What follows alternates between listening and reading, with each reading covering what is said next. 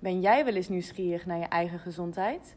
Tegenwoordig worden er talloze testen aangeboden op het internet. Een voorbeeld hiervan is een pre-scan. Zijn dit soort testen te mooi om waar te zijn? In deze driedelige podcast proberen we daarachter te komen door met verschillende experts in gesprek te gaan.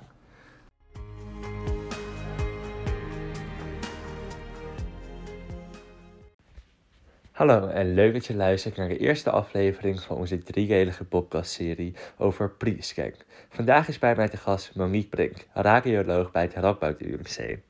Hallo Monique, leuk dat je er bent vandaag. Goedemorgen. Goedemorgen. Kan je wat over jezelf vertellen eerst?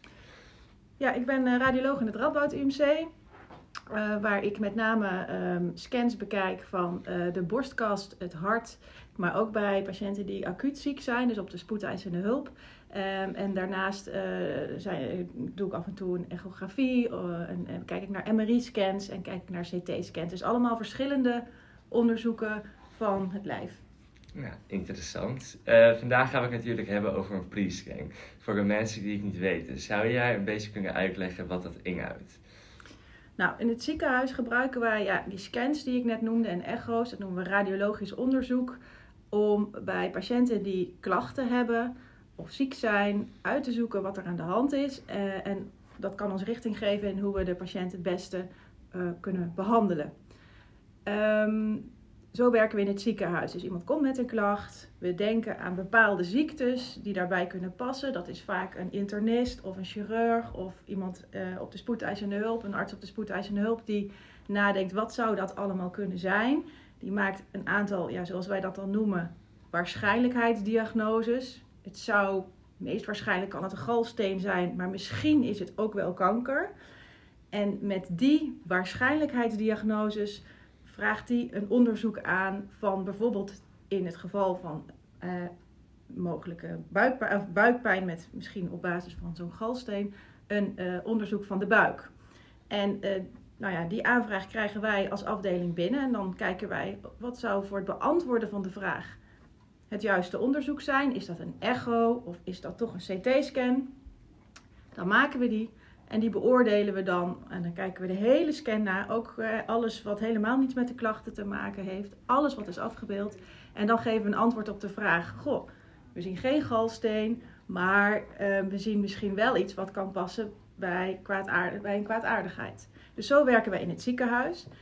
En wat eh, commerciële aanbieders van health checks doen. Ehm, is dat zij ook radiologisch onderzoek aanbieden. Maar dan vanuit iemand die eigenlijk helemaal geen klachten heeft. Of wel klachten heeft, maar zich misschien niet gehoord voelt in eh, het reguliere, de, de reguliere zorg. En zelf graag wil weten, goh, wat is er nou aan de hand? Of, goh, ben ik wel gezond? Ehm, en zo gaan mensen dus naar eh, pre-scan. Nou, mijn collega, eh, die jullie ook nog in deze podcastserie gaan spreken, kan daar veel meer en veel beter over vertellen. Uh, maar waar het op neerkomt is dat je dan dus echt een check krijgt waarbij bijna het hele lichaam wordt afgebeeld. Ehm, vaak met een MRI-scan, dus daar komt geen röntgenstraling bij kijken. En dan uh, ja, krijg je te horen van, goh, het ziet er normaal uit of niet. Dus dat is eigenlijk een hele andere werkwijze dan wij in het ziekenhuis gewend zijn. En zo'n MRI zeg je, hoe werkt een MRI? Of wat kunnen mensen zich daarbij voorstellen? Je zegt al geen ioniserende straling, maar hoe werkt dat dan wel? Ja, ja, we hebben dus verschillende manieren om het lijf af te beelden. Dat is overigens fascinerend wat we daarmee kunnen en wat we daarmee kunnen zien. En wat we bij een MRI-scan doen, is dat, um, ik weet niet of mensen het al wel eens vaker hebben meegemaakt of wel eens gehoord hebben, maar je wordt als patiënt in ons ziekenhuis in een grote lange pijp geschoven met heel veel lawaai. Uh, en dat komt omdat daar allemaal hele grote magneten in zitten. Uh, en die staan continu aan. Dus je wordt daar als patiënt ingeschoven. En vervolgens gaan we met allerlei elektrische pulsen, zoals we dat dan noemen, dus elektrische stroompjes, gaan wij ja, afbeeldingen maken van het weefsel, dus van de patiënt die daar in die lange buis ligt. Nou, dat is over het algemeen uh, niet schadelijk. Um, je mag er niet te lang in liggen, want ja, waar je stroompjes lopen, ja, dat uh, gebeurt ook in je zenuwen natuurlijk. Maar daar creëer je warmte mee, dus dat wil je niet te lang doen. Eh, het maakt veel lawaai, dat eh, is onprettig. Mensen krijgen daar wel vaak een koptelefoon voor en we zetten een muziekje op, maar dat is, sommige mensen vinden dat niet fijn. En ehm, wat daarnaast ook nog zo is, is zo'n buis is best wel nauw en donker. Ehm, dus als je last hebt van claustrofobie, dus dat je het niet prettig vindt om in kleine ruimtes te zitten, dan kan je dat als ook onprettig ervaren. Ja, want inderdaad, we gaan natuurlijk nog iemand van Priesking erbij halen. Wanneer komt een radioloog, zoals u, dan in beeld? Nou, ehm, als het over pre-scan-achtige ehm, scans gaat, dan komen wij eigenlijk pas in beeld. Vaak komen wij helemaal niet in beeld. Als alles normaal is, dan, dan zien wij deze scans niet. Dus het gros van de scans zien wij als radioloog niet.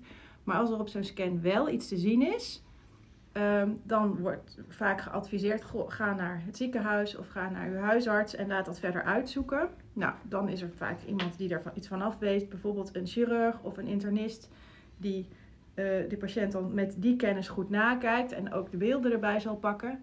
En pas als die twijfelt van, goh, wat is er nou precies gezien? Wat moeten we daarmee? Moeten we toch niet nog een aanvullende onderzoek eh, doen, hè? een aanvullende MRI bijvoorbeeld doen? Dan komt de, radi- eh, de radioloog pas om de hoek kijken. Dus als er twijfel bestaat of als eh, eh, opnieuw naar de beelden gekeken moet worden. En vaak kijken we dan toch met een iets andere blik, omdat we dan inmiddels weten dat de patiënt bijvoorbeeld wel klachten heeft, of wel ziek is, of ook aanvullende afwijkingen heeft, bijvoorbeeld in het bloedonderzoek. Ja, en, maar Priesking mag dus zelf geen diagnose stellen. Dan moeten ze altijd voor naar het ziekenhuis? Of hoeft dat Nee, niet per se? Oh, dat is een goede vraag. Ehm, eh, bij Prescan, ik denk dat Prescan daar zelf ook een beter antwoord op kan geven. Maar bij Prescan werken gewoon goede radiologen. Die zijn over het algemeen in Nederland opgeleid. Dat is een opleiding van vijf jaar. Eh, en die zijn ook eh BIG geregistreerd. Dus dat betekent dat ze eh, als radioloog werkzaam zijn. En dus ook op radiologische beelden een diagnose mogen stellen. Ehm, alleen als radioloog is het best wel lastig om met grote zekerheid te zeggen: dit is er aan de hand. Kijk, als een bot gebroken is, dat zie je wel op de foto. Maar als je ergens een verdikking ziet zitten in een orgaan, bijvoorbeeld in een lever, dan kun je niet meteen zeggen: oh, dat zijn kwaadaardige cellen of dat zijn goedaardige cellen. Daar is vaak meer voor nodig. Dus je bent een eerste stapje in een heel groot diagnostisch proces. Wat er uiteindelijk toe moet leiden op dat je weet wat iemand heeft en hoe je dat moet beantwoorden. Ja, Dat moet behandelen. Ja. Want je zei dus dat op een gegeven moment komt de radioloog dan in het ziekenhuis pas. eh, ja, die komt dan in beeld wanneer er onzekerheid bestaat. Heb je wat eigen verhalen over wanneer jij in contact bent gekomen met mensen die zijn doorverwezen vanuit een police Nou, wat we soms nog wel eens zien is dat ehm, eh, eh, ik bekijk meerdere scans op een dag en dan krijg ik een scan onder mijn ogen en daar staat bij ehm, ja, eh, afwijking gevonden in de longen op een pre-scan onderzoek, Ehm, verdacht voor longkanker. Ehm, graag klassificeren, zoals we dat dan noemen. Dus dan gaan we kijken, oké, hè, dit is verdacht voor longkanker, ziet het er ook zo uit? Eh, Nou, dat weten we dus, zoals ik net vertelde, niet zeker. Ehm, en als het toch longkanker zou zijn, want simultaan, hè, dus tegelijkertijd zullen er ook celletjes van afgenomen worden, ga ik kijken van oké, hoe ernstig is het? Waar zit het? Zijn er misschien uitzaaiingen? Ehm, kan het toch misschien niet iets anders zijn? Dus dan kijk ik en van hè, wijst het inderdaad de goede richting op, of de juiste richting op, die eerder gesuggereerd is door pre-scan en ook waarschijnlijk door de longarts waar de patiënt naartoe gestuurd is. En dan kijk ik ook naar, oké, waar zit het, hoe ernstig is het? En als eh, ik daarmee klaar ben, dan bespreek ik dat ook nog in een multidisciplinair overleg eh, met allemaal mensen erbij, eh, als het inderdaad echt longkanker is. Dus zo kom ik scans ook nog wel eens tegen. Dan bekijken we met z'n allen de beelden meestal niet van pre-scan, want die zijn echt heel screenend en heel grof. Vaak maken we vaak gericht ook nog scans die nou ja, meer informatie geven. En die bespreken we dan in zo'n multidisciplinair overleg. Het is wel een complex proces Het is een eigenlijk. hè? complex proces. Ja, ja. En eh, ik hoor, ik denk nu misschien dat luisteraars misschien denken, hoezo moeten jullie dan soms aanvullend onderzoek doen? Is dat onderzoek dat pre-scan eh, dan doet niet eh, betrouwbaar genoeg of moet ik dat niet zo zien? Ehm, nou ja, je hebt heel veel ziektes, echt enorm veel ziektes. En sommige zijn heel duidelijk te zien op een scan en andere zijn minder duidelijk te zien. Sommige gedragen zich alsof ze ook goed aardig zouden kunnen zijn of helemaal geen ziekte. Ehm, en wat je zegt, de betrouwbaarheid van een screenend onderzoek is erop gericht om zoveel mogelijk eruit te halen. Dus niet te zeggen wat het is, maar zoveel mogelijk te vinden. Uh, dus dat betekent dat het hele lijf wordt afgebeeld in meerdere richtingen. Uh, en als je dan iets ziet, dan denk je, hé, hey, er zit iets, maar ik zou het wat van dichterbij willen bekijken. En daar is een pre-scan onderzoek niet geschikt voor. Wat je, tenminste, meestal niet. Dus wat wij dan in het ziekenhuis doen, is dat we dan zeggen: hé, hey, er is daar iets gezien. Ze denken dat het nou, kan uh, longkanker zijn. En dan maken wij een gerichte CT-scan, waarbij we via een infuus vloeistof toedienen, uh, die ons informatie geeft ook over uh, hoe de vaten eruit zien. Dat doet pre-scan over het algemeen niet. en hoe de afwijkingen aankleuren nadat we dat middeltje hebben toegediend. en we kunnen ook veel meer detailrijk kijken. Um, dus we gaan wel wat verder de diepte in om daar antwoorden op te geven, inderdaad. Ja, ja en ja. als je vanuit je er, eigen ervaring kan spreken, bijvoorbeeld je zei net iets over longkanker, je moet het dan verder onderzoeken. Uh, kom je dan bepaalde dingen tegen dat het vaak goed is of vaak slecht, zeg maar verkeerd is. Uh, ja, en ze diagnosticeren het dan niet, maar dat ze het verkeerd hebben gezien, of dat ze het juist goed hebben gezien en dat ze er juist op tijd bij waren. Ja, nou ja, daar, zijn het, daar is natuurlijk wel. Het probleem is, um, we hebben eigenlijk geen goed onderzoek over wat uh, dit soort onderzoeken nu opleveren. Wat we wel weten is dat als je heel veel mensen scant, ook mensen die geen klachten hebben, dan vind je heel veel afwijkingen. Maar een heel klein deeltje van die afwijkingen, daar moet je ook echt iets mee. En de anderen kunnen daar rustig blijven zitten, gaan nooit kwaad betekenen. Maar jij als patiënt of persoon die zich heeft laten screenen weet wel, er zit iets, maar ik weet niet zo goed wat dat is. Dus een overzicht daarvan, hoe vaak het nou goed is voor de patiënt en hoe vaak het nou slecht is, heb ik niet. Maar wat ik zie in de praktijk is dat als ik dat soort onderzoeken onder ogen krijg, is dat er toch twijfel is. En ook twijfel is bij de patiënt van wat is het nou? Nou, laten we daar wat dicht, dichter naar kijken. En dan krijg ik met name de scans te zien die uh, ja, waar het eigenlijk helemaal niet zo goed op te zien is, dan is er aanvullend onderzoek nodig en dan blijkt het toch niks te zijn. Nou, dat is dus best wel duur. Dat zien we best wel vaak. En daar zijn wij als radiologen in Nederland ook eigenlijk best wel uh, bang voor dat we dat eigenlijk veel te vaak zien. Dat veel mensen worden onderworpen aan onnodig onderzoek. Um, maar het is ook wel eens zo dat uh, het, het inderdaad wel iets is. Uh, ja, en dan is de vraag, nou, fijn, hè? we waren er op tijd bij. Maar dan kun je er niks meer aan doen. Dus dat is ook nog iets wat we wel eens vaker zien. Dat we denken, oké, nou het is, het is gevonden zonder, voor, voordat de patiënt klachten had. Alleen wat we hebben gevonden is eigenlijk niet goed behandelbaar. En dat, is, dat, is, ik moet zeggen, dat geeft mij altijd wel een zuur gevoel. Ook een domper voor die patiënten. Ja, dat weet ik niet, want ik spreek de patiënt niet zelf. Ik denk dat, ja. dat iedereen daar weer uh, anders mee omgaat en het ook weer een, zijn eigen verhaal heeft. Dus ik denk als je heel veel verhalen van patiënten die via pre-scan zijn binnengekomen hoort, dan heeft iedereen zijn eigen verhaal. Ja. Maar een goed overzicht daarvan, uh, of dat nou, ja, of het achteraf nou een goed idee geweest is.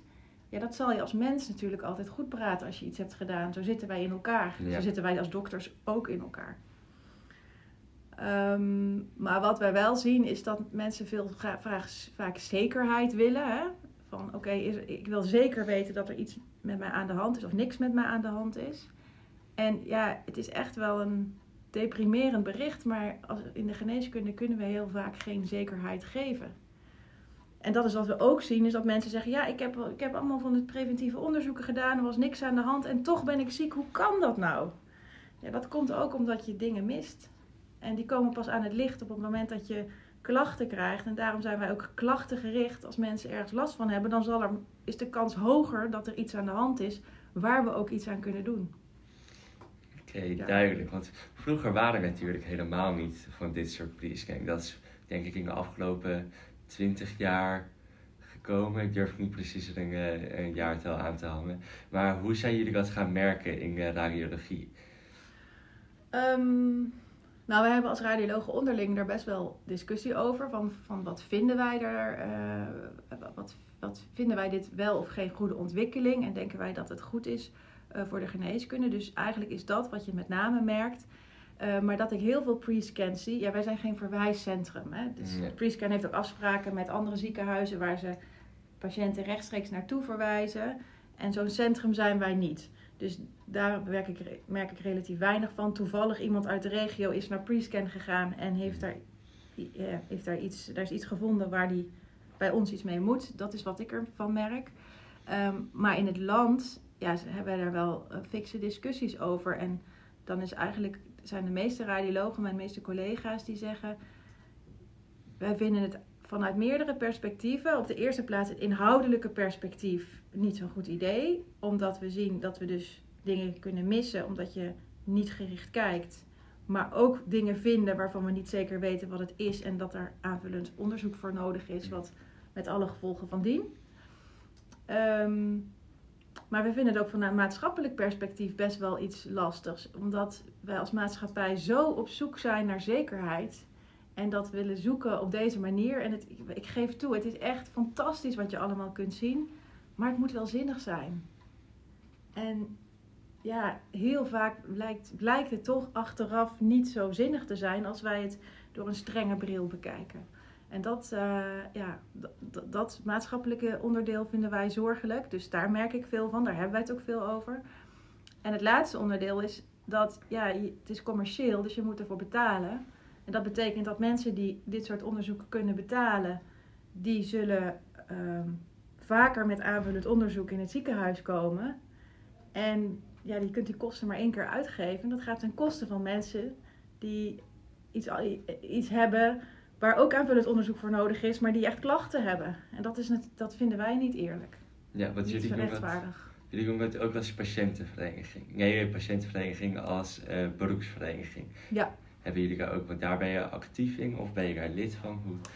Ja, alle radiologen in Nederland zijn daar uh, lid van. Dus als je bent ingeschreven als medisch specialist, uh, en dan ben je ook lid van de Nederlandse Vereniging voor Radiologen, je moet alleen wel contributie betalen. Anders dan uh, mag je er niet bij. Anders mag niet. ja. En ja. zeg ik ook de radioloog van Priesca, zeg ik daar dan ook lid van? Uh, ja. ja, ja. En, en kijk, het is een... Uh, en, uh, het is eigenlijk een, een, een, vereniging waar we heel veel, dus iedereen, wat je zegt, hè, iedereen is daar wel actief in. In die zin dat we elkaar nascholing geven, um, uh, richtlijnen met elkaar maken. Um, nou, ook in de coronatijd waren wij heel actief met elkaar over ziekenhuizen heen als discipline aan het samenwerken. Um, dus, maar dat betekent lang niet altijd dat we het met elkaar eens zijn. Nee. En dat is ook goed, denk ik. En uh, dat houdt ons ook scherp. Um, en uh, ja, ik vind dat je het radioloog van Prescan moet vragen, maar die zijn zich ook bewust van deze mitsen en maren. Maar zij zien natuurlijk ook de mensen die heel erg blij zijn met zo'n scan en uh, ja, daar heel veel waarde aan hechten en dat soort zaken. Dus dat is, dat is ook een perspectief wat je mee moet nemen daarin. En ik vind dat dat perspectief niet opweegt tegen het maatschappelijk en het inhoudelijk perspectief. Maar goed, daar moet je het wel met elkaar over blijven hebben. Want dat inhoudelijke deel, je zei al, eigenlijk is het niet heel hard uh, wetenschappelijk bewijs of heel veel onderzoek naar gedaan of dat ik nou een positieve of slechte ontwikkeling is. Komt dat omdat dit dan in het commerciële deel valt of waarom is hier eigenlijk nooit zo goed onderzoek naar gedaan?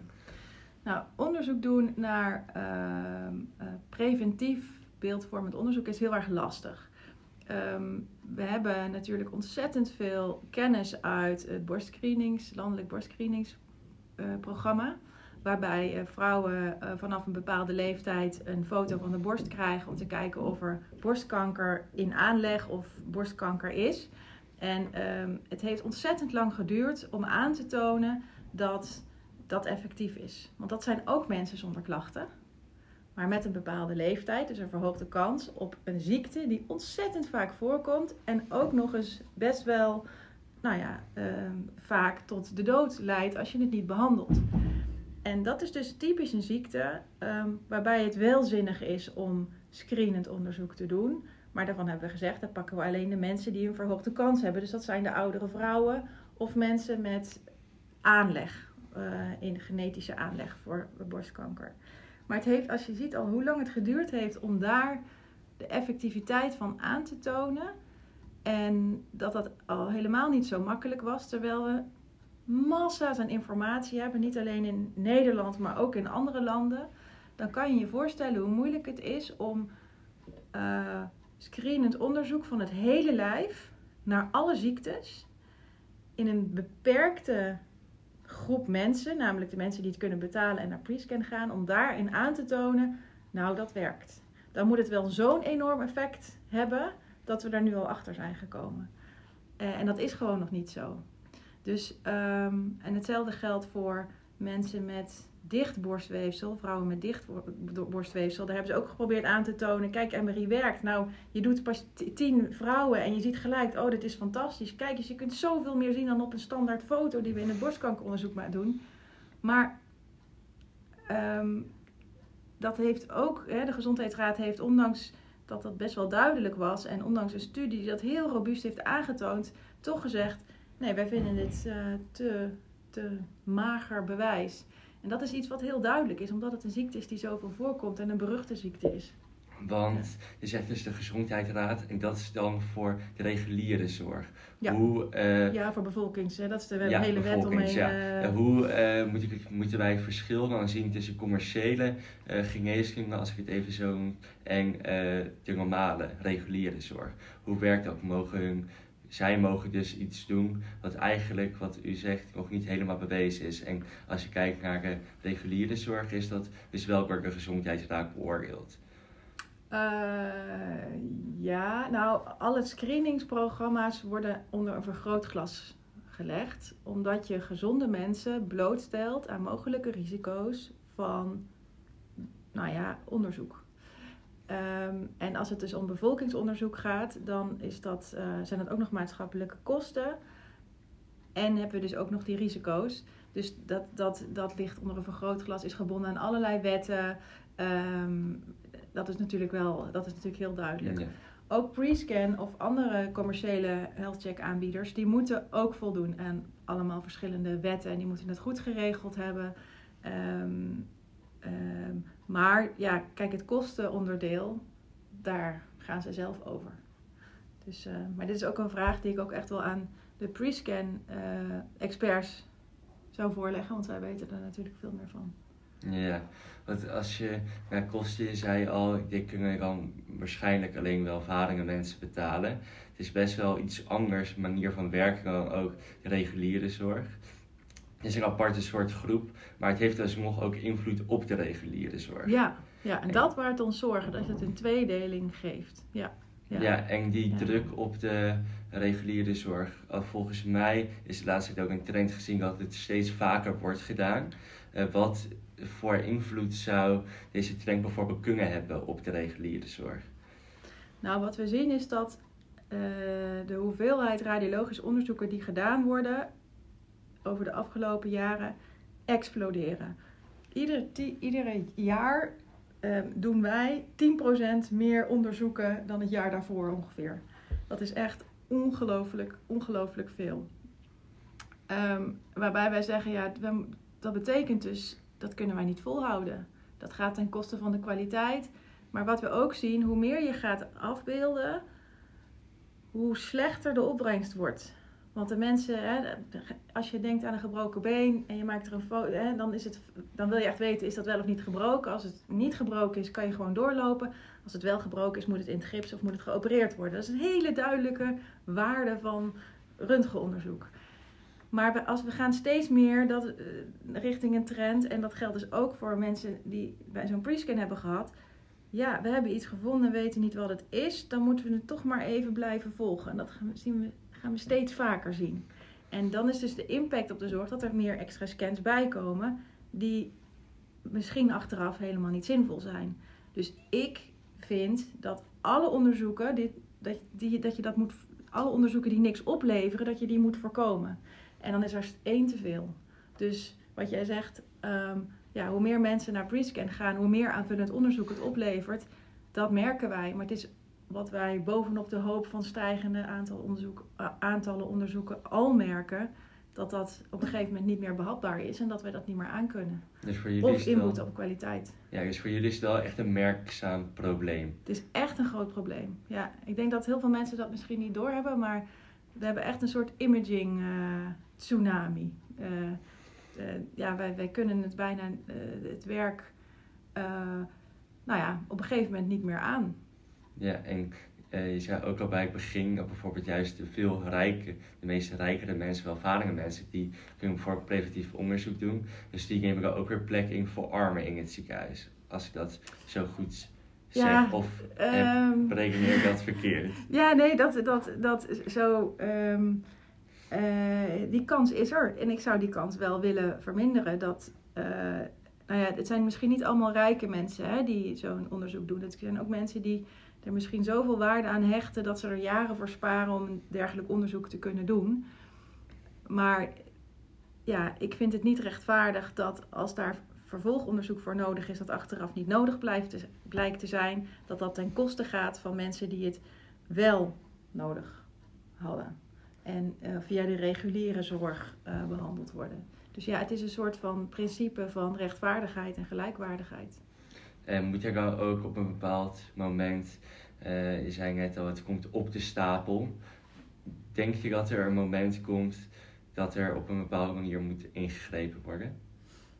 Zo, dat is wel. eh, Stapje vooruit. Ehm, nou, we, we hebben natuurlijk allemaal een eed gezworen dat wij alle patiënten zullen helpen. Eh, nou, dat is ook actueel. Eh, je merkt het in allerlei discussies van eh, de houdbaarheid van zorg. Wij zullen als zorg nooit zeggen, we zullen als zorg de deur nooit dicht doen. Ja. Ehm, maar we moeten er wel goed over nadenken hoe wij de zorg die wij hebben en de problemen die wij in de toekomst gaan hebben met een tekort aan zorgpersoneel, een tekort aan geld, ehm, een vergrijzende groep, een Nederlandse bevolkingsgroep. Hoe wij zorgen dat wij de technieken die we hebben en die heel zinvol kunnen zijn, ook op een goede manier inzetten. En als je dus commerciële health checks gaat doen en daar ook de gevolgen van gaat dragen, dan ben je denk ik niet slim bezig. Dat gaat ten koste van het probleem dat we, eh, hè, van de oplossingen die we nu zoeken voor dit probleem. En ik, ja, dit probleem gaat echt steeds groter worden. En ik denk dat veel mensen geloven, als ik afgebeeld ben, dan is het goed. Maar de behandeling is niet de afbeelding. De behandeling is, eh, zit ook veel meer in leefstijl en dat soort zaken. Maar dat is weer een ander verhaal. Ja. Ja. misschien voor een Ja, keertje. precies. Ja.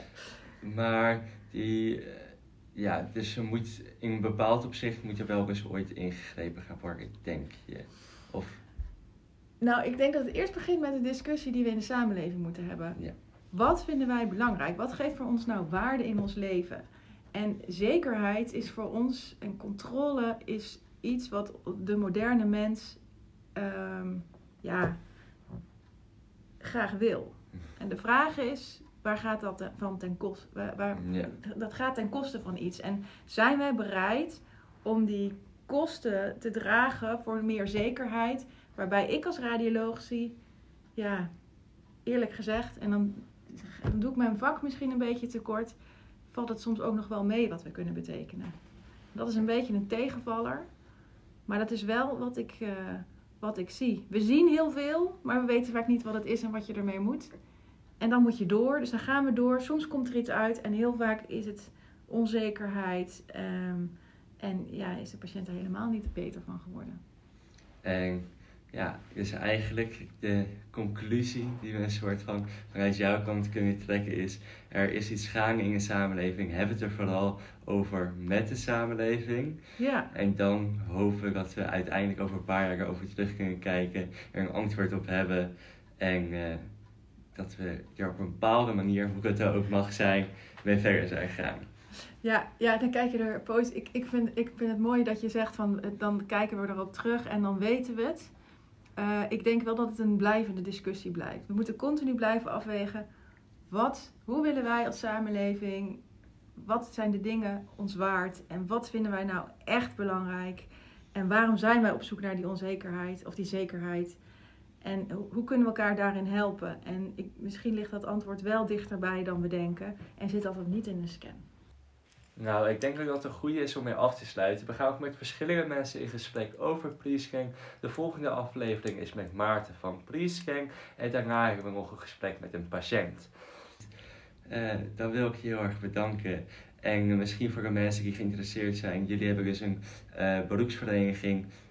Daar kunnen ze ook altijd op verder lezen. Ik weet niet of dat je daar nog Ja, toevoeging op hebt. www.radiologen.nl Nou, dan wil ik je heel hartelijk bedanken, Marie. Dankjewel.